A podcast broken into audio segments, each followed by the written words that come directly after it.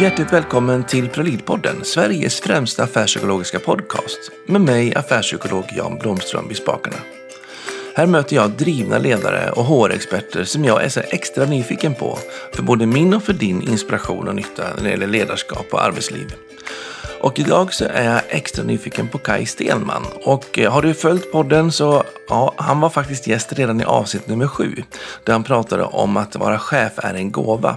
Och eh, dessvärre har det ju hänt en del saker sedan sist. Vilket gör att idag så är han tillbaka och pratar om hur man som chef hamnar ute i kylan. Så att eh, han har en story som är väl värd att lyssna på. Och jag vill också när du lyssnar att du beaktar lite grann det här med anonyma anmälningar och utredningar som inte tar fram fakta och detaljer vad som faktiskt har sagt.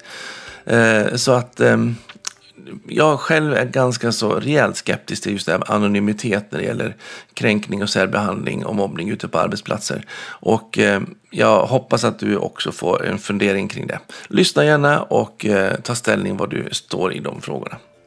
Eh, så att eh, Kaj Stenman får jag härmed presentera. Jag hoppas att du har ett riktigt bra avsnitt.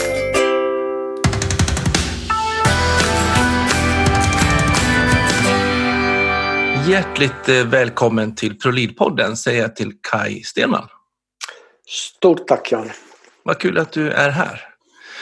Och för trogna lyssnare så märker ni att det här är faktiskt första gången i världshistorien som eh, vi har en repris på gäst här i podden.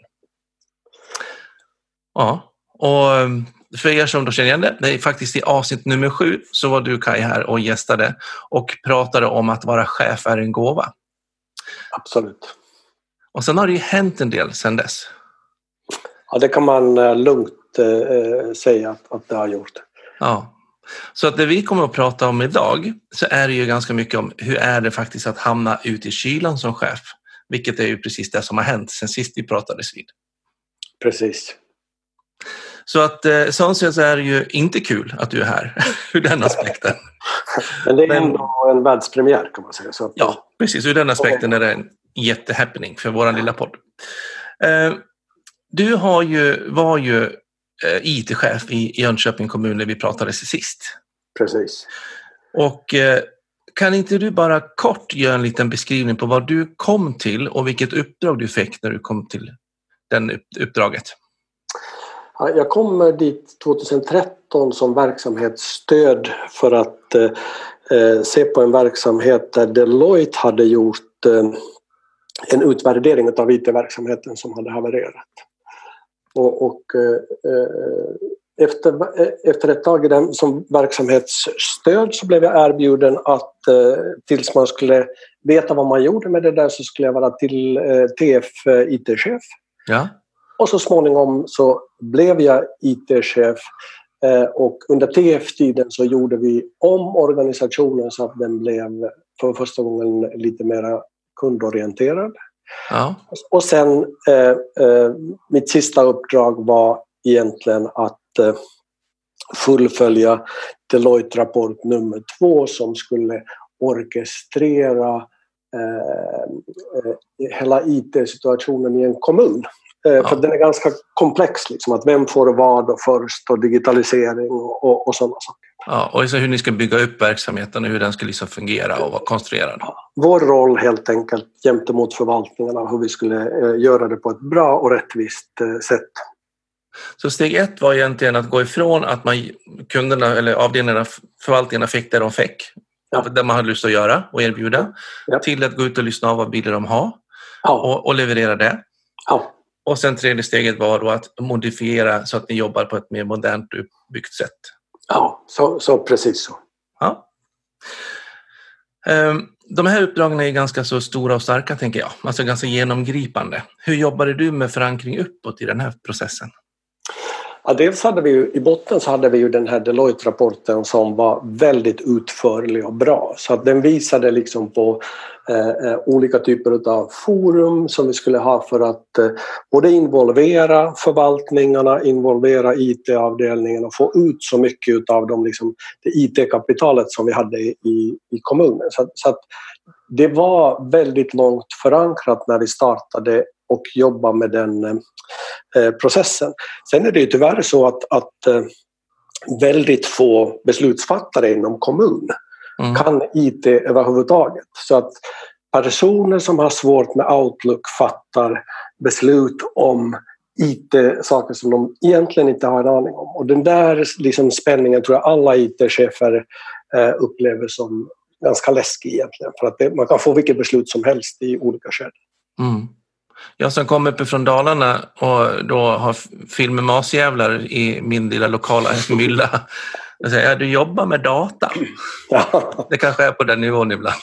Ja. kanske inte fullt så illa. Nej men, nej men verkligen, alltså att man inte riktigt vet vad som är moln, man vet inte riktigt vad som är farligt, man vet inte riktigt vilken typ av säkerhet eh, man behöver ha. Vi kunde se alltså att samma fenomen fanns eh, rent politiskt där vi eh, eh, servade och supportade politikernas iPads. Mm. där man inte kunde skilja på att vad är mitt eh, lösenord, vad är mitt Apple-ID, eh, vad är, så, så, de olika sakerna. Alltså, så att, eh, jag tror att i väldigt många offentliga miljöer så är det på det sättet att, att eh, det finns väldigt många som kan väldigt lite. Ja. Och man vet inte riktigt vart är det jag sparar någonstans. Är det någon cloud någon annanstans? Är det ja. en cloud som faktiskt vi har kontroll och säkerhet över internt? Precis. Eller är det direkt på, hårddisk, på, på själva hårdvaran som gör att det försvinner om jag blir stulen? Ja. Och, och sen är det ju det här att vi lever i en tidsålder där det som händer rent digitalt med våra arbetsplatser och med våra hem eh, gör att eh, arbetslivet liksom omformas. Mm. Att det är väldigt mycket enklare att se eh, liksom att oj, här kanske jag riskerar jobbet eller att vi riskerar det och det. Eller, så, så det är liksom en skräcksituation för många att gå in i den diskussionen. Ska vi gå åt det hållet och ska det vara mera liksom IT? Mm. Eh, och sen är det dessutom så att, att det finns en, ett större perspektiv där eh, Säpo och, och eh, MSB går ut liksom och säger att det här är farligt och, och, där man egentligen vill få lite politiskt grepp på det där. Mm. Så, att, så att det är men ett väldigt spännande fält, alltså otroligt spännande fält. Mm. Och det är inte att det händer saker långsammare utan det är ju mer och mer och snabbare och snabbare. Ja. Ett tåg och, och det, som rullar på. Ja, och, det, och det, det, som är läskigt ur ett kommunperspektiv det, det är det att tidigare så driftade man väldigt mycket i sin egen serverhall. Mm. Och nu hamnar man i en situation där förvaltningarna självständigt beställer IT från andra leverantörer. Mm. Alltså säger att IT-avdelningen, det är så krångligt att göra det via er så vi köper den här lösningen direkt utav en leverantör. Mm. Det ger inte en bra totalekonomi, det ger en dålig totalsäkerhet. Mm. Eh, eh, och det gör det att många gånger så har man liksom köpt parallella system som skulle kunna användas bredare ifall man liksom jobbade sig igenom den processen. Och det var ju det som Deloitte, eh, den andra Deloitte-rapporten liksom visade på. Så här orkestrerar ni hela helheten för att få ut så mycket som möjligt utav, utav er IT-miljö. Ja. Och det fick du till en del av också? Ja, det fick jag definitivt eh, till av en, en, eh, en hel del till och med. Men att med väldigt eh, eh motstånd. Då. Eh, en del av motståndet som var liksom direkt rädslo och kunskapsdrivet. Men också som ett motstånd där man liksom eh, där det fanns liksom en bredsida mot IT. Jag kommer ju inte själv från IT-världen på det sättet. Nej. Man sa att ni har, ungefär, ni har alltid bestämt och förstört allt. Så, och, och, att, och, att, man liksom både genom sin, hade rätt till sin okunskap och också rätt att kritisera. Så att det var en ganska tuff situation för alla som arbetade på en IT-avdelning. Därför att förhållningssättet var ganska eh, krasst. Mm. Och jag tänker också en sån pass stor förändring i resan ställer ju ganska stor krav på en kompetensomställning och ja. antagligen också kompetenshöjning. Ja, det gör det verkligen. Vilket i sig kan vara ganska hotande om man inte var införstådd med det. Ja, det, det är det verkligen. Så, så det är starka, eh, starka krafter kring de här frågorna. Eh, om vi då börjar se, eh, liksom när du märkte av ett lite tydligare motstånd. Ja. Och vad var det som du såg som liksom startskottet till att du kände att nej, men nu, det här är liksom nyckeln eller det här är liksom första delen? När, när började du märka av det? Nej, men man kan säga, man kan säga att, att, att ett väldigt stort motstånd eh, eh, hela vägen som var... Man kan säga att det finns, tycker jag, två typer av motstånd. Dels det sunda motståndet. Så herregud, vad är, det, vad är det vi fattar beslut om nu? Vart tar det här vägen? Liksom, vad händer med mig? Vad händer med mina medarbetare? Och sen finns det den andra typen där man liksom förbehåller sig rätten och säger att okej, okay, jag vet att eh, det är beslut fattat om det här. Mm. Eh, jag vet att det här är vår nya riktlinje, men mm. jag är så pass kraftig motståndare till det här. Så att jag behöver inte följa det här och när jag inte följer det här så gör jag så att säga kommunen eller mitt sammanhang en stor eh, tjänst. Och den, det motståndet fanns eh, väldigt tydligt inne på IT-avdelningen och, på, och på, i vissa förvaltningar. Mm. Och den delen är kanske inte lika sund? Nej, den är inte lika sund och, och jag tycker att det är en intressant fråga att liksom diskutera som man borde ägna mer liksom, tid åt. Eh, att hur ser motstånd ut? Mm. Och var har vi det sunda motståndet? Alltså att vi inte bara fattar beslut pang, pang, pang och sen får vi se hur det går ut. Och, och vid vilken punkt måste man faktiskt liksom infinna sig i det? Att wow, nu är det bestämt så här, kan jag leva med det, ja eller nej? Eh, eh och i en kommun där man inte vill eh, göra sig av med folk eller vara liksom väldigt drastisk och säga att nu måste du bestämma dig. Mm. Det är väldigt, väldigt eh, liksom svårt att alla får ha sitt eh, hjärta eller sin liksom, fot i vilken mylla som helst och då blir det väldigt mycket motsättningar i det. Mm. Hade en ledningsduo som sa jättetydligt att vi jobbar på styrelsens uppdrag. Ja, ja, Men bara att det var på föregående styrelsens uppdrag. Så den nya styrelsens uppdrag, den var en ny inriktning och det ville de inte göra med. Men i det läget så kunde de faktiskt lyftas ur på ett ganska halvschysst sätt i alla fall. Ja. Um, men eh, det är inte lika tydligt kanske i en kommunal verksamhet. Nej. Och jag, jag är van att man jobbar för ett organisationsnummer. Mm. Och det betyder inte alls att man är liksom eh, eh, emot människor eller inte förstår att, att, att personalen är den viktigaste tillgången. Men att man förstår hela tiden att för vem gör vi det här? Mm. Och i en kommun så min stora uppgift som jag uppfattade det, den var hela tiden att förstå åt vem levererar vi IT? Mm. Det var liksom inte åt IT-avdelningen utan vi levererade IT åt medborgarna i Jönköpings kommun. Och det där mm. var otroligt svårt för folk att, att liksom förstå att men det är det vi gör. Mm. och, och, och, det här ser man ju också i andra branscher. Jag tänker ni som lyssnar också säkert känner igen det här där man liksom inte kanske är samsyn på varför är vi på jobbet. Man ser det kanske inom äldreomsorgen och säger att men jag går ut och de ska inte behöva ha ett fönster utan julgardiner till jul. Liksom. Så går man in och, och julpyntar fönstret ja. för att man vill men ändå är det inte det som faktiskt lagen säger att vi ska göra. Nej. Eh, och ska vi då göra det jag själv vill och det mitt hjärta är övertygad om att det är rätt och riktigt Ja. Eller ska jag då göra den IT-lösning som jag tycker är kul att skapa? Eller ska jag göra det som faktiskt beställningen ligger på, antingen lagstiftning eller i, i våra avdelningar, förvaltningarnas beställningar? Ja. Och om man ska liksom prata vidare från det du säger nu, alltså vilket klimat och vilken kultur det var, så var det väldigt mycket på det sättet från början och vi fick jobba hela tiden med det att, att, att man eh, dels ville göra som man själv ville. Man ville mm. inte att någon skulle lägga sig i det, vilket är en väldig risk i att, att man inte har någon redundans som någon Eh, eh, försvinner och så. Och sen att man i, liksom rent kulturellt såg sig själv som ett offer. Både mm. som att jobba inom kommunen men att, det var liksom, att man var speciellt utsatt på IT-avdelningen. Mm. Och det kanske man var. Men att man kan inte ha det som utgångspunkt för att göra ett jobb för någon annan utan att ha förmågan att förstå och känna. Eh, jag tycker det är så bra begrepp det här att liksom, how can I best serve? Mm. Eh, och det, låter, alltså det är så synd att det är på engelska. men, men, men, jag tycker det, det, är så vackert på det sättet. Liksom att vad är det bästa jag kan göra nu utan en situation? Det var väldigt svårt att liksom komma till det. Utan det kom väldigt snabbt liksom att ja, men hur påverkar det mig? Det här vill jag inte göra. Så. Mm. Eh, ett led i det vet jag var att du försökte att stabilisera den ledningsgrupp du hade på din avdelning.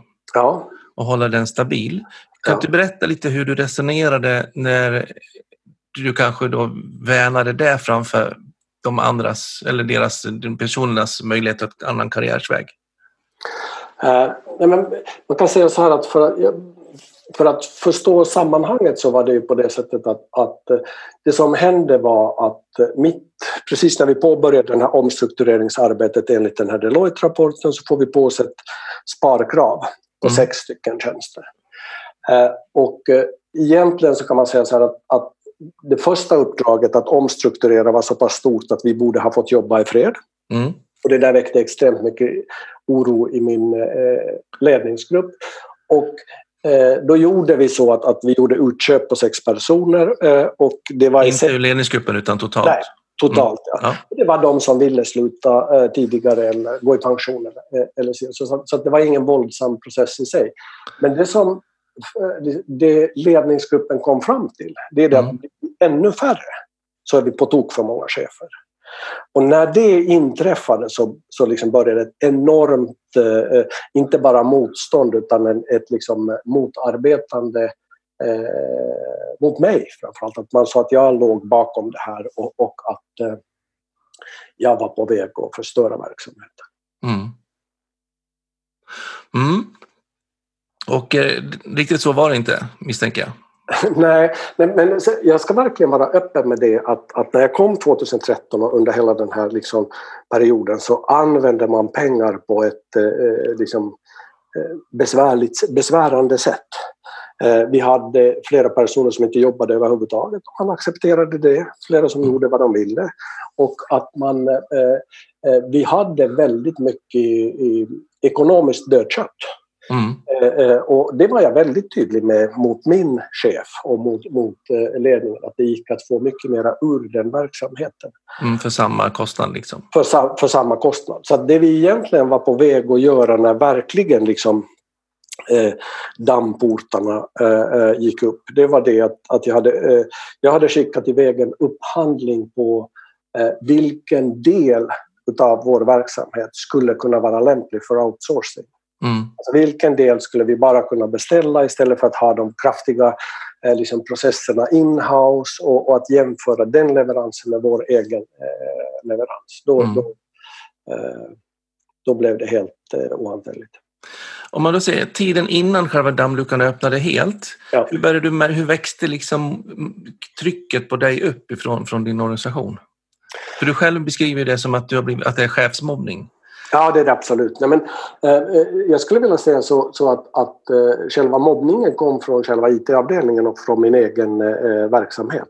Mm. Eh, och man kan säga att det var väl de som liksom förstod eh, vad vi höll på att eh, liksom, göra. Och, och, det, och det märktes väldigt... Liksom, en person tog verkligen liden i det och, och liksom började eh, liksom himla med ögonen och tyckte liksom att saker var märkliga, man inte skulle göra på det sättet. Och alltså ganska tonårsmässigt liksom agerande. Och där jag mm. kände mer så att okej, okay, här har ett antal beslut gått emot eh, hen eh, och att man eh, eh liksom, eh, att det kommer att liksom lägga sig.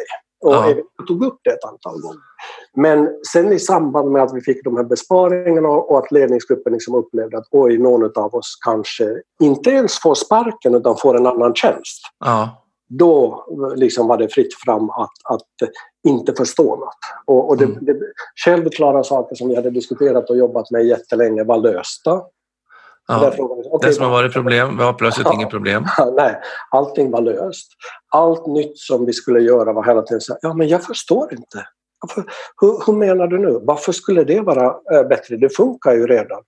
Och, och, och, och jag hamnade verkligen i en liksom fälla där jag försökte förklara, jag försökte övertyga, jag försökte beskriva det som en intressant learning lesson och som en, eh, som en resa jag försökte beskriva att vi skulle få, eh, vi, vi var i stort behov av väldigt många eh, liksom nya eh, bra kompetenser som IT-arkitekter och, och, projektmänniskor och, och, och eh, lite högre tekniskt eh, kunnande. Och jo, liksom fastnade i den liksom fällan att, att, att, att jag försökte förklara liksom, att vi går mot en sundare och bättre liksom, eh, framtid. Ja. Det där kan jag tänka mig många av er lyssnare känner igen er i. Ehm, för jag känner igen det vad du berättar nu, liksom från vad jag träffar när jag är ute och konsultar. Eh, och just den här fällan som du pratar om, när de väljer att inte förstå, alltså det fyller en otroligt viktig funktion att inte förstå. Världens effektivaste egentligen försvarsmekanism. För skulle jag förstå, då måste jag också börja agera. Men väljer att inte förstå, så då måste all bevisbörda ligga på dig att göra det tydligt. Ja. Och börjar man förtydliga, och ju mer tydlig du är, desto mer måste jag inte förstå. Ja. Även om du skulle mata mig med tesked så skulle jag absolut inte förstå i alla fall. Och exakt på det sättet var det, liksom att, att det blev helt löjliga proportioner ja. eh, eh, kring det här. Och då kan jag säga att väldigt, väldigt tidigt så, så eh, bad jag om hjälp. För att jag ja. kände verkligen att, att, jag har hamnat i en konstig situation med människor som jag jobbade bra med förut. Mm. Och, och, att den var liksom helt eh, ohanterlig. Och, och eh, eh jag ville ha hjälp av personalchefen. Jag pratade om det med mobbning, om, om kommunens eh, säkerhetsansvariga. Jag pratade med en psykolog, jag pratade med andra förvaltningschefer. Jag pratade om och om med min eh, chef. Och man kan säga att det gemensamma svaret för allihopa var liksom att ja, Kainen, så här är det i en kommun. Att, att eh, du kommer från eh, näringslivet och där är det annorlunda. Att det, är bara liksom, eh, det är bara att leva med det, utan kör på. Ja, så det vart egentligen ingen stöd eller support Nej, från ditt håll? Nej, verkligen inte. Utan tvärtom. Liksom, så, så, eh, ett tag så började man liksom frågasätta mig som person och säga så här, men liksom, klarar inte du av det här? Mm. Eh, och, och, och, det var, det var eh, en otroligt liksom, söndermalande process där jag blev extremt ensam. Mm.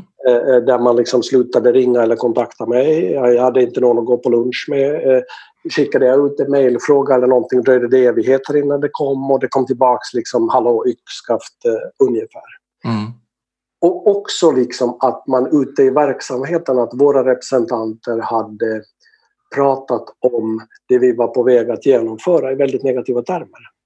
Mm. Eh, och undrade liksom att vad, vad håller du på med? Vad började du få för reaktioner hos dig själv då, i den fasen? Nej, men i den vad hände fasen, med dig? Nej, men alltså, det är ju så här att jag har hela mitt liv älskat svårt. Mm. Och, och, och, eh, jag är inget geni på det sättet men att jag hade svårt hela min skoltid och jag har haft svårt eh, med massa olika saker i mitt liv. Men jag har alltid klurat ut i slutet hur gör man? Ja. Så, och jag blir liksom triggad av det. Så att, så att första reaktionen var verkligen att, att liksom, eh, eh satsa hela mitt hjärta på att få folk att förstå och försöka bygga entusiasm kring den här situationen. Eh, eh, eh, vi kopplade på utbildning och stöd utifrån och exempel och, och alla, alla de här sakerna för att liksom eh, verkligen petta igång den här glädjen kring att men nu är vi egentligen på en resa.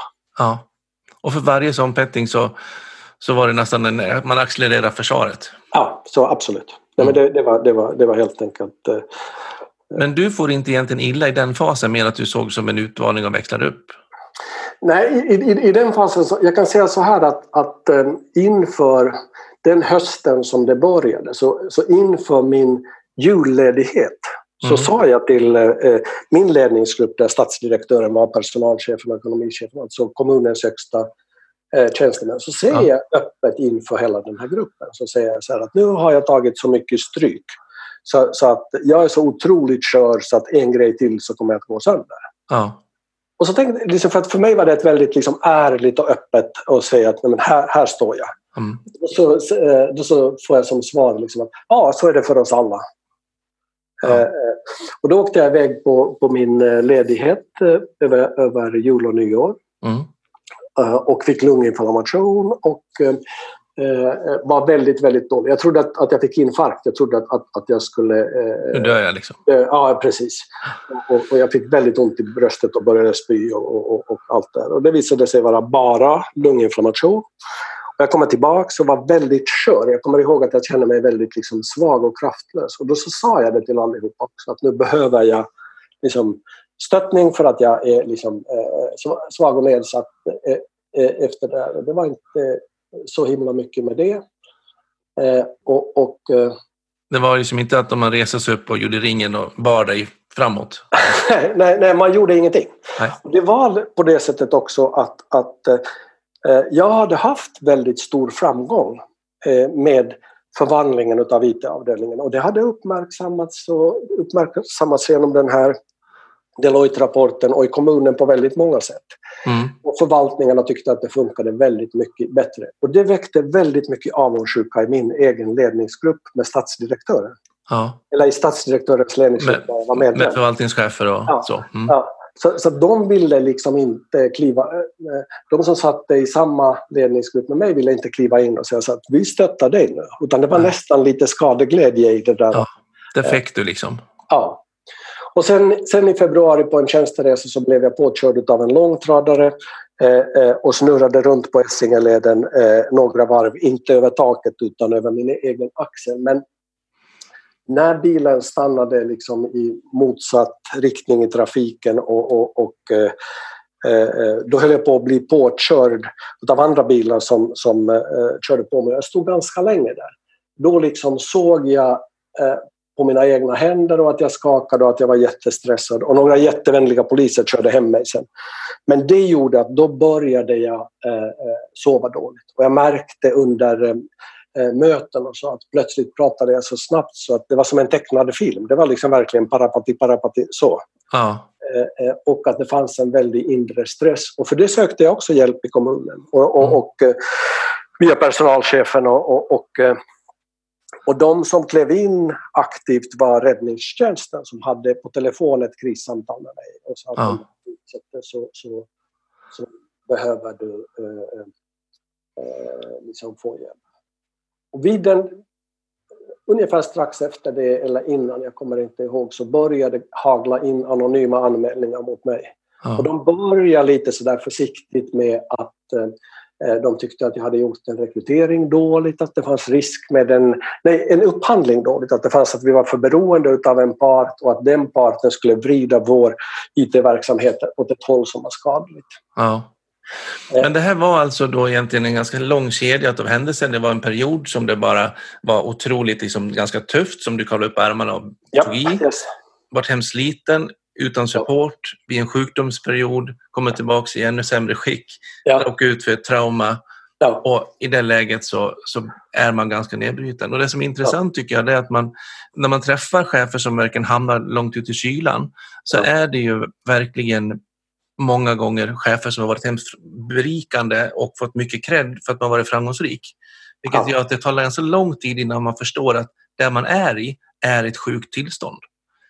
Ja. Så man, man, man är dum nog att gå på det och man kämpar och man tar i så att man just hamnar på minus redan innan man fattar att vi måste börja försvara oss. Nej men så var det verkligen och det fanns inte i min eh, liksom, eh, repertoar så fanns det liksom inte att, att det här skulle eh, knäcka mig utan att, att jag var väldigt bestämd på att, att klara av det här uppdraget och, och göra det jag hade lovat göra. Ja. Om man då ser tillbaka nu när du har lite perspektiv, vad skulle du ha tyckt att när du börjar signalera till din arbetsgivare, vad skulle du behöva ha fått för stöd då för att det skulle ha blivit ett annat ut, utveckling helt enkelt? Eh, Nej, men, eh, alltså i första hand liksom bara ett, ett liksom empatiskt stöd. I sig. Alltså att inte bara liksom himla med ögonen och säga välkommen till kommunen. Eh, och, att eh, liksom eh, få avlastning på det sättet att det här och det här eh, liksom, eh, eh, inträffar och kanske kommit in i min verksamhet. Att min chef hade kommit med mig ner på IT-avdelningen, vi hade satt oss med ledningsgruppen eh, och, och satt att så här ser det ut, vi gör det här varför Mm. lämnat ut de här frågorna som, som var så att säga, jag förstår inte eh, frågor verkligen och säga att okej, vad är det inte jag förstår?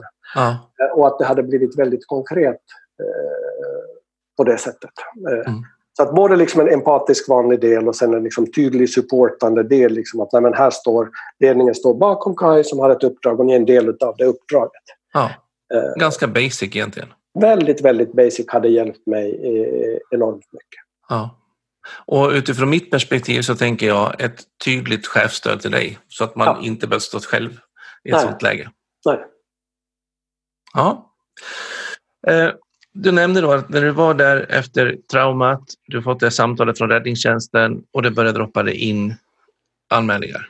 Ja, då, det började komma in eh, anonyma anmälningar. Och till en början så var de liksom rätt hanterliga för att eh, eh, eller jag upplevde hela tiden att, att, att eh, jag var liksom i den här matchen. Jag blev uppkallad till rådhuset eh, gång efter annan och ena gången var det eh, en upphandling, nästa gång var det att jag beställde specialkost. Eh, sen var det att jag hade en sidoverksamhet, sen var det att ja, det eskalerade och sen, att jag styr IT-avdelningen med järnhand. Så. Ja. Och, och, och, och, det blev liksom värre och, och, och värre hela tiden. Mm. Ja, förlåt. Jag tänkte bara, liksom, är det liksom att då, då blir man liksom tillrättavisad in i ledet eller var det mer att det här har vi fått in synpunkter på, vad handlar det här om? Ja, så var det.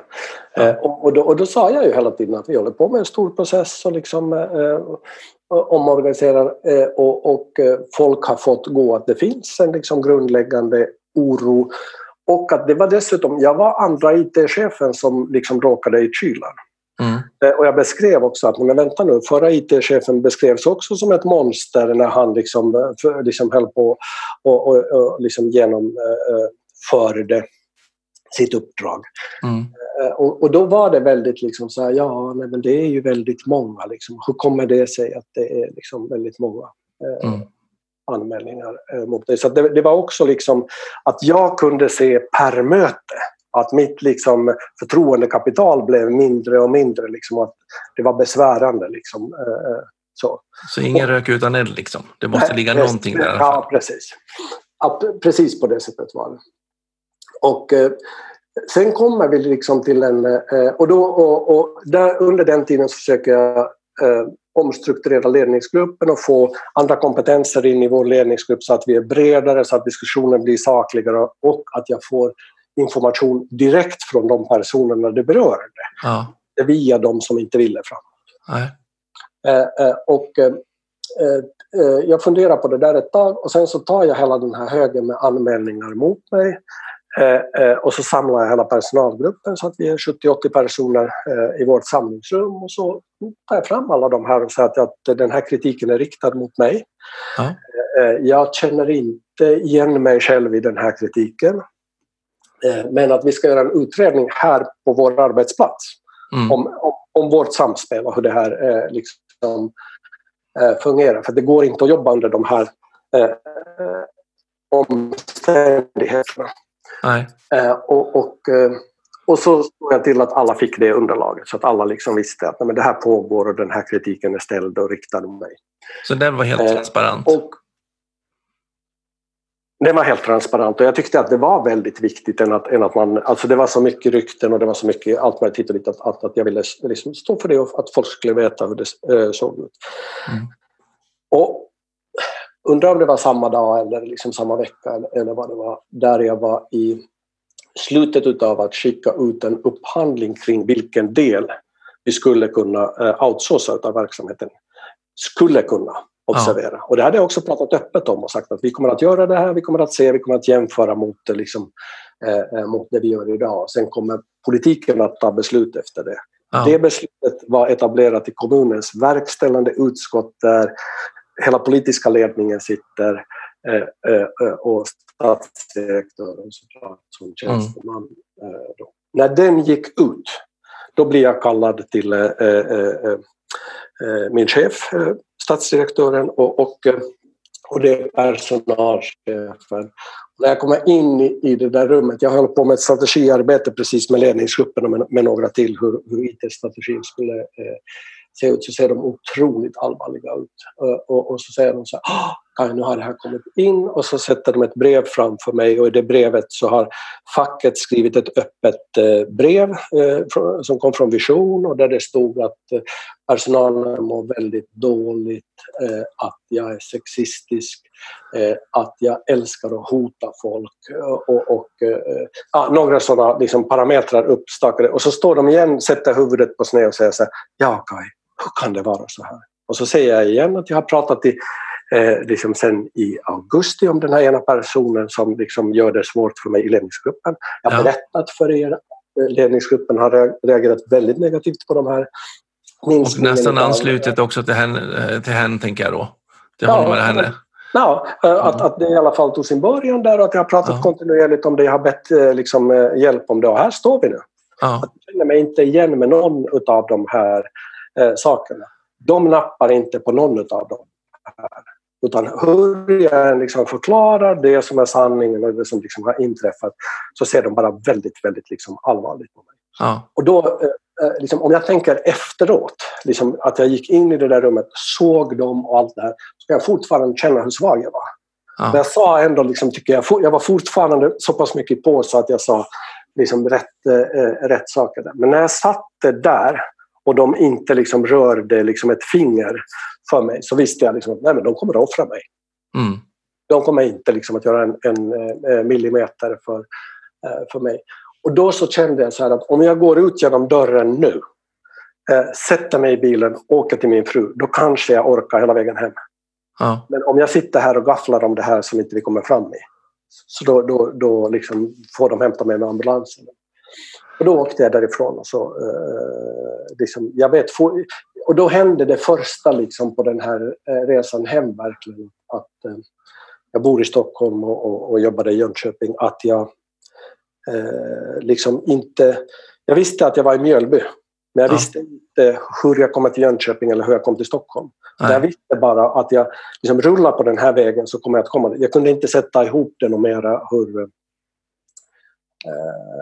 hur det var. Och det liksom, eh, då utlöstes den här liksom, eh, eh, utmattningen och liksom, eh, depressionen som sen liksom tog Mm.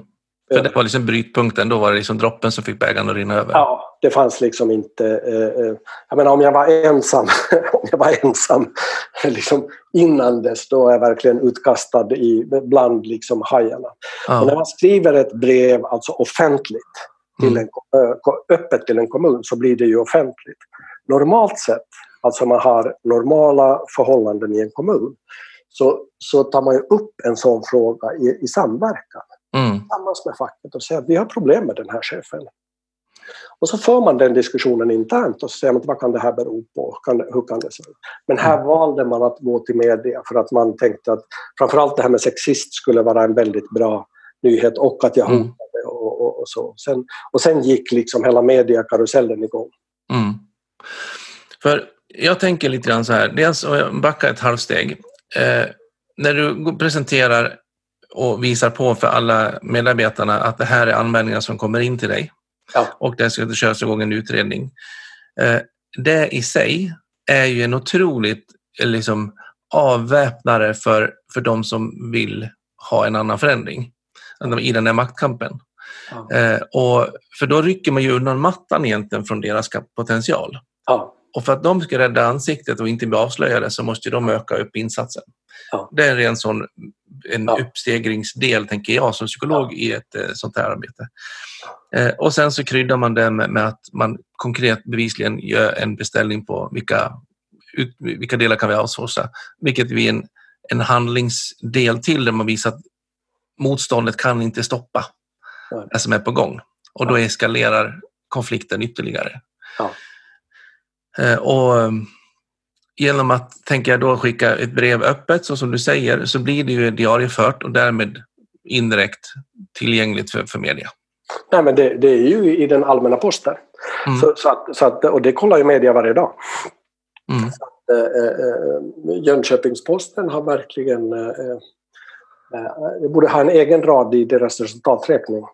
Eh, så mycket som de har skrivit om det här. Mm. Hur eh, upplever du att, eller hur reagerar du på arbetsgivaren i den läget? När du kom in och hade det här mötet och, och det liksom varit den här reaktionen när du åkte hem. Men liksom vad, vad, vad har du för tankar kring, kring dina reaktioner där nu i efterhand? Nej, men alltså, jag måste verkligen säga att, att, att, att en sån upplevelse är så otroligt surrealistisk. Eh, eh, för det första att, att, att det var som att, liksom, ni vet, eh, alltså, ibland när man ser på någon film så säger man så här, nej men så där går det aldrig till. Nej. Och, och eh, hela händelseförloppet var verkligen liksom att, att, att eh, liksom, eh, eh, väldigt surrealistiskt för mig. Och det jag tycker man skulle ha hållit fast vid och sagt så här, bra, okej, eh, åk hem, eh, eh, vi sätter en TF på plats och, och, eh, åt dig och vi gör en utredning på hela stället. Alltså andra gången som en IT-chef blir liksom beskriven som ett monster eh, och, och eh, eh, hade inträffat plus att jag hade signalerat till min chef och till personalchefen att eh, de signaler som kom om den tidigare IT-chefen om att han var väldigt bestraffande och så, det fanns inga konkreta exempel på det. Nej. När jag under min tid som IT-chef sa att ah, vad hände då? Liksom, för att de sa ofta så här, ja men gjorde man något så fick man fan för det. Jag sa okej, okay, vad hände då? Så fanns det inga liksom, exempel på det. Så de visste ju i det läget, tror jag, innerst inne så visste de att nej, så här är det inte. Nej. Men, men att, att jag tror att de var helt oförmögna att hantera det. Mm. Och sen vet man ju aldrig heller, alltså som människa, vilka personer var de här anmälarna? Det kunde ju ha varit någon av dem. Ja. Eh, eh, och framförallt med fortsättningen från liksom personalchefens eh, sida som gick ner några veckor senare till min personalgrupp och säger inför hela gruppen så att de här besparingarna och eventuella outsourcingarna det är något som Kaj har hittat på helt själv. Det finns ingen som helst liksom, grund i det. Ni är supersafe. Eh, och det, det, det berättar en eh, nära medarbetare till mig och säger upp sig på, eh, på, Stubert och liksom sa att han kan inte jobba kvar under de omständigheterna. Så det agerandet liksom får ju mig att tänka så att vad var korten innan här? Men, Vilken hjälp var det där egentligen? Och det fortsatte sen med att, att uttalanden i media som var felaktiga, att jag inte hade svarat på utredarens frågor kom upp som en uppgift från personalavdelningen och då hade jag gjort det skriftligen i ganska massiva volymer dessutom. Mm. Och, och, och, sak efter sak, vilket var så konstigt för att jag låg ju redan nere för räkning. Jag var ja. sjuk, jag kunde, inte, jag kunde inte göra någonting för att liksom försvara mig. Och då fortsatte man att ösa på, liksom, att nej men skulden är hos honom, skulden är mm. hos honom. För det blev en utredning, gjord ja, Ja, utredningen satte igång och, och det var också liksom otroligt oprofessionellt eh, gjort för då ville man att, man skulle, att jag skulle komma till Jönköping. Ja. Jag sa att nej, jag, var liksom, jag kunde inte sova på nätterna, jag hade extrem ångest, jag hade otroligt svårt att hålla ihop liksom, längre tankar och så. Mm. Eh, eh och då sa jag att men han får komma hem och intervjua mig i Stockholm. Eh, eh och då så säger de så här att nej men eh, du kan svara på det skriftligen. Jag hade en kompis som är kommunikatör som hjälpte mig med, eh, hjälpte mig med det och så säger jag så här, vad är det för frågor jag ska svara på? Mm. Så säger jag så här, svara på de allmänna frågorna som har varit i media. Mm. vilket var, vilket var liksom absurt. Så. Ja. Så du fick in och läsa artikeln och, och, Precis. och svara på det? Ja, vilket jag mådde otroligt dåligt utav och där beskrevs jag som narcissist, psykopat, att alla var rädda för mig, att vi hade eh, höga sjukskrivningstal, vilket vi inte hade. Att mm. folk hade sagt upp sig, vilket vi, och så vidare. Men, men det blev min eh, eh, liksom uppgift då. och det gjorde jag ju med liksom stort besvär tillsammans med en kompis vilket gjorde att, att alltså, jag mådde otroligt dåligt utav, eh, utav att behöva liksom befatta mig med det. När jag dessutom kände att det var noll stöd. Så att min chef försökte under ett tag liksom stötta mig och ringde ganska ofta liksom och sa att äh, vi ska hjälpa dig. Och, och så får han sparken. Och man börjar säga att jag har blivit anställd på ett felaktigt sätt och politiken börjar lägga sig i det här och uttala sig i tidningen om att eh, det är ju helt oacceptabelt att den här eh, hemska IT-chefen ska kunna finnas kvar och, och, att statsdirektören har begått ett fel som har anställt mig. Och då drar man en, en utredning mot honom. Ja. Och efter första varvet i den utredningen eh, så, så försvinner han. Och då gör de samma trick som de gjorde med mig. De sätter sig till slut vid ett bord och så säger de så här alla tycker att du är extremt dålig. De här anklagelserna kommer liksom emot dig. Och så känner du att du kan klara av ditt uppdrag. Mm. Eh, och, då, och, du fick den frågan också? Ja, sen, sen, var det på det här sättet att, att um, jag var fackligt ansluten till Unionen som inte hade ett avtal med Jönköpings kommun. Men jag är mm. det sen förut och visste inte att det skulle kunna vara liksom sämre för mig på något sätt. Och då säger de till mig att eh, okej, okay, statsdirektören fick sparken. De, jag, fick ingen ny chef eller kontaktperson. Utan man säger så att ja, vi får se om det är personalchefen eller vem det är över sommaren. Och sen så återkommer vi och, och, och eh, tar ett möte i början av augusti. Mm. Det gör de aldrig. Utan jag jagar dem och säger att ja, kan vi ha ett möte eh, den tionde eller något sånt. Nej, det passade inte för dem. Utan det skulle vara senare i, eh, i augusti och väldigt, väldigt motvilligt. Mm. Eh, men då kom just de här eh, liksom anklagelserna och man sa flera gånger så sa man så här, Kaj, det finns mer. Och då säger jag så här, men rimligtvis så måste ni tala om vad som finns så att jag kan förklara, liksom försvara mig mot det. Ja. Nej, tänk efter själv. Och så sa att nej men liksom, eh, jag har tänkt efter, jag är i det här kaoset, jag har skrivit, jag har svarat, eh, liksom så här, ni får lägga det liksom, eh, eh, eh, på bordet. Och det gjorde de inte, utan då sa de att nej men vi får ses igen. Och då gick det hela vägen eh, ända fram till, eh, och det här var i augusti, Ja. och då gick det hela vägen ända fram till oktober och de hade ingen, ing, ingen rehabilitering med mig överhuvudtaget. Nej. Och du fick aldrig reda på vad det här mer var? Nej, absolut inte. Utan man höll det och sa att Kaj, det finns, det finns mer. Vi kommer liksom eh, eh, så. Och sen i oktober så säger Försäkringskassan till mig att du har varit sjukskriven i ett halvår. Eh, och jag pratar med en eh, tjänsteman som ringer upp mig och jobbar med mig och så säger han så att nu har du varit sjukskriven i ett halvår. Liksom, vad har hänt? Och så säger jag väldigt ärligt att det här är förskräckligt, jag har blivit mobbad, jag, har liksom, jag får inget stöd av min arbetsgivare och jag är verkligen utsatt. Ja. Då säger han så här, vet du att under de omständigheterna så tror jag inte att vi kommer att förlänga din eh, sjukskrivning. Så här, varför inte det? Mm. Så sa att nej men att eh, hela, hela liksom, ska, om du ska få mer tid så bygger det på att du är under rehabilitering. Och Mm. om inte din arbetsgivare rehabiliterar dig, ja då kommer vi inte att fortsätta. Och då gick jag på en rehab eh, i, i Solna och de hjälpte mig och skrev världens bästa brev och en plan och hur vi skulle göra och, och, och allt det där. Och då hade vi ett telefonmöte med personalchefen och där föreslår jag att jag skulle kunna jobba med eh, kontinuitetshantering. Alltså, Mm. vad händer om det systemet går ner? Vilka system får aldrig gå ner? Och, och så vidare. Det hade varit en självständig uppgift inom ramen för kommunen och där jag inte hade varit tvungen att bli så hårt exponerad eller ha liksom en ledande befattning. Nej. Utan det- mer jobba backoffice liksom. Precis. Och, och, och- det gjorde de inte. Utan sen, sen, sen så sa min, eh, eh, eh, min läkare och min psykolog eh, eh, sa till mig att, att de, liksom, de kommer att mala sönder dig. De, eh, för, att, för att de sa också så här, vid det här mötet så sa de så här, ja Kaj du kan ju skicka in dina betyg så kan vi se var vi kan placera dig. Sa arbetsgivaren då. Ja, precis. Eh, eh, och, och, och då så sa jag liksom att nej men jag, jag det där eh, liksom, jag slutar. Och då så, då så sa de att jag får sex månader som är samma som, om, som jag hade fått om de hade sagt upp mig. Och det sa de i media också. Och det fanns ingen saklig grund till uppsägning överhuvudtaget.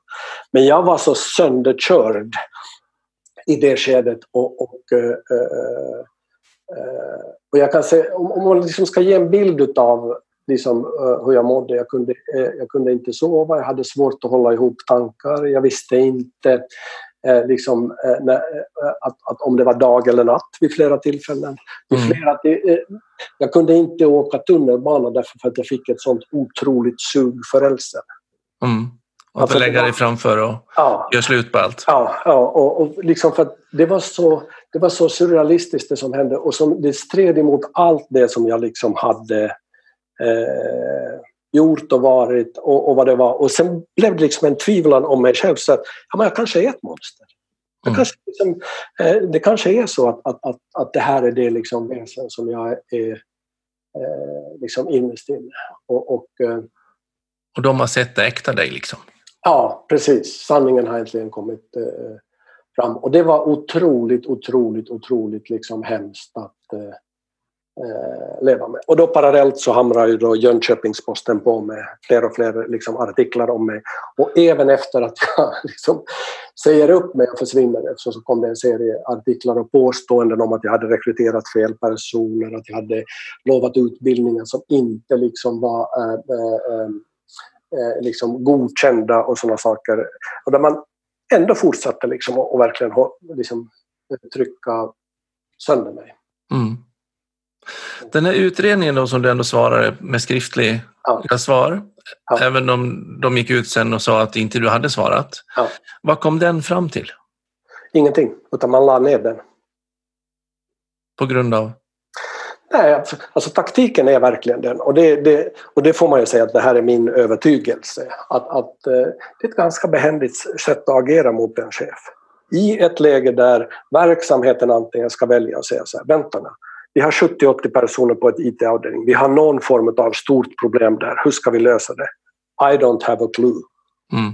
Och om han är problemet, vi börjar om, vi gjorde som vi gjorde förut och så lappar vi ihop det här och, och, och så får vi se. Mm. Det tycker jag att, att, att man eh, liksom eh, gjorde för att man hade inte den typen av kompetens i att dels erfarenhet av att göra besparingar. Mm. Eh, eh, dels erfarenheter av att göra omstruktureringar i vilken typ av kompetenser man behöver. Mm. Att man var väldigt, väldigt ovan i den situationen och att alla ställde sig i ett led och sa att, att eh, det är hans fel, han är monster, jag hade högre lön än de andra i motsvarande ledningsgrupp vilket väckte väldigt mycket avundsjuka. Och jag hade fått det här liksom berömmet och blivit lite hjälteförklarad eh innan. Mm. Och nu skulle man minsann visa att eh, så var det inte alls. Nej. Så när du slutade så ja, la man också ner utredningen och drog ett, la locket på helt enkelt? Ja, absolut, och den var ju bara riktad mot mig. Mm. Eh, och, och eh, eh, så, så, att det var liksom det var, fär, det var färdigt med det. Mm. Sen, sen, det var ju så otroligt många artiklar mot mig och de finns fortfarande på nätet liksom när man googlar mig så att mitt problem nu är att jag har sedan dess sökt hundra jobb och aldrig ens blivit kontaktad. Nej. Utav någon. Det, min Google-historik gör ju att jag aldrig mera kommer att få ett jobb. Mm. Jag orkade, trots att jag var väldigt sjuk, så tog jag mig igenom striden med pressombudsmannen och pressombudsnämnden så att de prövade artiklar som Jönköpingsposten hade skrivit. Ja. De, de blev fällda för det ja. eh, och fick 30 000 kronor plus moms i, i kostnad för det. Mm. Jag har mist mitt, eh, min möjlighet att jobba, få en anställning för resten av mitt liv. Mm. Och det är väldigt märkligt. Också det att jag eh, på flera punkter gav de material som, vis, som var skriftligt och som visade att, att, att, det som stod i tidningen inte var sant och de avvisade det materialet och sagt att nej, vi skriver inte om det mer. Nej. Och vad tänker du kring det idag? Nej, men, jag tänker så här att, att, att det finns en dimension i det här som är större än, än, än, än jag. Och det är det att när man har arbetsgivare som agerar på det här sättet och jag tror att det händer hela tiden och vi läser i pressen om, om, om höga chefer som, som liksom råkar ut för konstiga saker och man påstår att de har gjort eh, jättemärkliga eh, historier och de åker iväg. Så, så är det på det sättet att man skapar en sån enorm rädsla i verksamheterna. Och att den skada man gör genom att hantera människor på det här sättet sätter så enormt djupa spår. Mm. Eh, eh, och, och, den skadan är liksom monumental för att liksom kunna rekrytera rätt personer, för att liksom kunna skapa en bra arbetsplats. Utan den kulturen liksom bygger på att man ger mobbarna makten. Mm. Eh, och, och det, det, är klart att, att det är fruktansvärt. Och sen är det så här också att jag tror, jag tror att vi som människor överskattar vilka vi är. Och då säger jag, det gäller såklart mig också. Och, och, att vi, liksom, vi har jättehäftiga high-tech-prylar och inte minst inom, inom IT men att vi är fortfarande extremt primitiva varelser. Mm. Och där man liksom låter oss vara primitiva. Man kan se det i trafiken att det krävs inte liksom mycket förrän fingret åker upp och någon håller på att köra rakt på en. Mm. Fastän när man kör system och allt i bilarna. Eller hur? Mm. Och, och, och att, att, att det är farligt på det eh, liksom, sättet. Och jag tycker att det är många som har kontaktat mig efteråt och sagt liksom att vi vågade inte göra något och vi visste inte vad som pågick och, och, och eh, eh hit och dit. Utan det här är ändå något som pågår hela tiden. Och jag tycker att det borde finnas ett bättre skydd för det. Dels för chefer och för personer som, eh, eh som mig. Mm. Eh, liksom att, att vad ska jag göra med mitt liv? Ska min fru försörja mig? Ska jag ta mitt liv? Ja. Eh, eh, ska jag leva på socialbidrag? Liksom, vad händer med min pension? Vad händer med liksom alltihopa? Eh, och, och jag har inte gjort fel. Nej. Jag säger så här att jag är definitivt inte felfri. Jag är från Finland, jag har ett temperament, jag har blivit arg flera gånger. Ja. och, och, men jag står för det. Mm. Alltså, eh, och, och, och, och, eh, jag är otroligt passionerad och har jobbat jätte, jättehårt för ett uppdrag som jag har fått. Mm. Det. Och det här blir ju inte heller rättssäkert och det blir hemskt existentiella, existentiella konsekvenser. Ja, Nej, och, och, ta en sån sak som att, att jag är fortfarande idag eh, liksom, eh, Eh, nu sover jag, eh, jag har inte liksom ett ångesttillstånd på det sättet men att det fortfarande är så att jag kan liksom inte göra en helt vanlig arbetsdag utan jag behöver sova på dagen för att liksom, mm. kroppen ger helt och hållet upp. Jag verkligen mm. eh, liksom, eh, signar ihop. Det har de, de liksom konsekvenserna i mitt liv. Och jag tycker att en väldigt beskrivande sak hände åt mig, eh, eh, hände min familj nu när eh, i juli var vi eh, på semester eh, i Italien eh, och i 14 dagar. Och när vi kom hem så låg det ett kort i eh, vår brevlåda. Och det var ett vykort från Jönköping med ett Jönköpingsmotiv på, på framsidan och så stod det så här att ja, nu, nu har jag inte det kortet här men det stod att eh, du har på eget begåv eh, försökt göra 60 personer eh, arbetslösa. Vi planerade tidigt att göra oss av med dig. Trevlig sommar, whistleblowers. Mm. Och, det, och det var då anonymt skrivet? Ja, och, såklart. Och det här kommer mm. alltså två år, två och ett halvt år efter att jag går sönder som person eh, eh, och, och liksom har gått igenom eh, hela den här resan. Och då säger jag så här, det är ju självklart att inte det här representerar alla de människorna. Nej. De här krafterna finns där. Och de fanns där medan jag var där. Eh, vi visste att, att, att, det var mycket som liksom kokade eh, eh, under rutan. Och man kan säga så här, vad hade hänt med mig om jag hade varit kvar där? Mm. Om man är beredd att göra en sån sak. Det är mm. liksom en obehaglig tanke. Och det är en ganska så stark drivkraft om man liksom typ två år senare faktiskt bryr sig ja. om att skriva ja. ett ja. anonymt kort och, och skicka till personer. Och, liksom. det är det. Och sen ska jag säga dessutom att, att eh, jag har varit en väldigt delad skribent på HR-bloggen.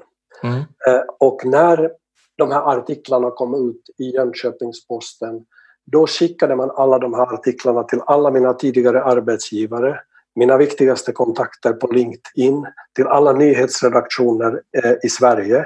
Man var tvungen att stänga av kommentarsfälten på, eh, eh på HR-bloggen för att man bombade från olika eh, e-mailadresser artiklarna om mig. Så att, alltså, det är en sån otrolig vrede bakom det. Så det får jag säga till dig nu, liksom, eh, Jan, att förbered dig på eh, liksom, eh, den, här, den här vreden som jag liksom, eh, lever med. För att, för att eh, eh, det finns en väldig kraft bakom det.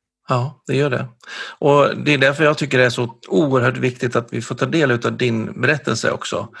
Eh, för att man ser den i många, många, många arbetsplatser och många kommuner och privata företag. De här krafterna finns och eh, jag upplever att vi är på tok för dåliga att prata om dem. Och jag tror att flera av er lyssnare också vet eller känner igen situationer i större eller mindre omfattning hur man hamnar ute i kylan. Och det är inte bara att det är elaka chefer som är taskiga mot stackars medarbetare, utan det är faktiskt många chefer som hamnar ute i kylan. Och det är ett tema vi måste ta mycket, mycket allvarligare på. För att det slår verkligen undan fötterna och förändrar tillvaron så kopiöst. För att det är inte bara, tänker jag, dig som det här berör, det blir också en hel familjenät runt omkring. Ja, men absolut. Det, det är liksom ett eh, ekonomiskt dödsfall. Ja, både ekonomiskt dödsfall, men det blir också påverka familjerelationer, tänker jag. Absolut. Eh, det händer någonting med övriga familjemedlemmar om man kommer hem från semester och ligger ett sånt vykort. Ja. Alltså, det blir ju ett, en, en, ja, det blir en helt eh, förvriden livssituation. Ja. Och, och sen och, tänker jag också en annan sak med, med ledningsgruppen som, som du har, har jobbat med, då, med i kommunen, där du själv ingick, som då man kanske också inte våga gå fram för att man tror att man måste ta ställning, man ska hålla ta för eller emot eller sådana saker. Mm. Man blir ju ducka och bete sig på ett sätt som kanske inte heller egentligen är dem. Nej. Vilket gör någonting även med deras självbild ja. och självkänsla. Ja. Förlåt att jag avbröt dig. Nej men, eh, nej men det är klart, jag blir väldigt liksom eh, eh, eh känslomässig eh, liksom, kring det här. Och det svåra är att det finns liksom en massa strukturella hinder för att komma ur, ur det här. Eh, eh, om, om, när jag försvarar mig så blir jag rättshaverist. Mm. Folk säger till mig så här, men fan släpp det där med jävla Jönköping, var glad att du har kommit därifrån liksom, utan eh, kör på och, och eh, allt det där. Men hur ska jag kunna släppa att jag inte kan försörja mig? Nej, det är inte så jävla lätt. Ja, tänk om min fru nu skulle säga så här att jag, nej men, jag vill ha en, en liksom, eh, jag har ett, liksom, vi är plus 50 bägge två, går mot 60 nu och säger så att men jag vill ha en trevlig pensionering. Jag vill ha ett liv som jag har jobbat hela mitt jävla liv. Jag vill ha en partner som kan leva upp till det. Ja. Eh, eh och jag är trött på att ha en man som blir fetare och fetare och eh, liksom käkar antidepressiva och, och, och liksom med jämna mellanrum liksom, eh, faller igenom. Jag skulle inte få en bostad någonstans Nej. ifrån. Jag hade inget arbete eh, överhuvudtaget. Det är så otroligt dramatiska eh, eh, konsekvenser. Och, och, och, då är det på det sättet att, att eh, jag tycker det är liksom i mobbningens karaktär på något mm. sätt, att man inte ska försvara sig. Ja. Att man ska tåla det eh, och att det är okej okay att snacka skit om chefer. En otrolig insikt som, som, eh, som jag har tagit liksom med mig var, var, att man pratade väldigt mycket skit i ledningsgruppen om statsdirektören. Mm. Och där sa jag också mot slutet så att fan det här är mobbning, jag vill inte vara med om det här. Att, att, låt oss göra något bra tillsammans, att vi har ganska fria tyglar. Och så, men det var ingen intresserad av att göra. Och är man i en sån miljö eh, som chef där det är okej okay att prata illa om sin chef och inte liksom hantera de här sakerna på ett riktigt och på ett professionellt sätt. Man får inte en bättre varningssignal än det. Nej. Utan då är, liksom, då är båten rutten. Och, och, mm. och, eh, en människa, hur fantastisk den än är eller vilken eh, missionskyrka den än tillför, så kan man inte vända den typen av sammanhang utan då ska man verkligen ta sig därifrån. Mm. Eh, så är det. Och det, det, det tror jag är den liksom största insikten, att bara för att man har några tusenlappar mer i lön och försöker stå längst fram och parera världen så, så betyder det inte att man får prata illa eller behandla eh, den personen illa eller in, inte visa samma respekt och värdighet som, eh, som alla bör göra. Mm, absolut. Kloka ord. Men eh, jag hoppas att eh, ni som lyssnar har fått goda insikter och fått en inblick i hur din situation kan ha sett ut. Ja. Och eh, om de känner igen sig, att de är i en liknande situation eller om de ser en kollega som är där. Finns det något mer än att ta sig därifrån? Har du något annat råd? Som nej, men, nej, men, nej, men jag, jag, skulle vilja säga att alla som kommer hem från jobbet varje dag och liksom säger att jag har en idiotisk chef eller att jag inte trivs eller att, att det är svårt eller att man blir illa behandlad så skulle jag vilja säga så här. Att vara lycklig är en rättighet. Mm. Men det är inte så att någon annan kan leverera det åt dig själv. Utan du har också en skyldighet att göra och säga så här, okej, okay, vad kan jag göra för att ha det bättre? Mm. Eh, eh, och vilken dialog behöver jag föra direkt med någon för att den ska ha större chanser att vara bättre mot mig och mot andra. Mm. Och då kommer det ganska kloka svar. Ja, det gör det. För de är så grundläggande. De finns i sandlådan, de finns i förskolan, eh, de finns liksom eh, eh, hela vägen. Men än en gång, vi är inte liksom av, vi är inte av automatik goda väsen, utan vi är en ganska sprattlig fisk. Mm. Men får vi en bra vägledning, stanna upp, reflektera, ta de här ställningstagandena, ja. så då kanske man också har en riktning som gör att man inte känner att man behöver hoppa på spåret. Ja, så är det. För att det finns vägar framåt. Ja. Så tusen tack för din story. Tack verkligen. Och ha det bra ikväll. Tack så mycket. Tack. Bra. Tack, hej. Gillar du också avsnittet? Ja, gilla, dela och kommentera då gärna ProLead på din plattform. På Facebook, Instagram, Twitter eller på LinkedIn. Och eh, var en del av vår talangaccelererande miljö.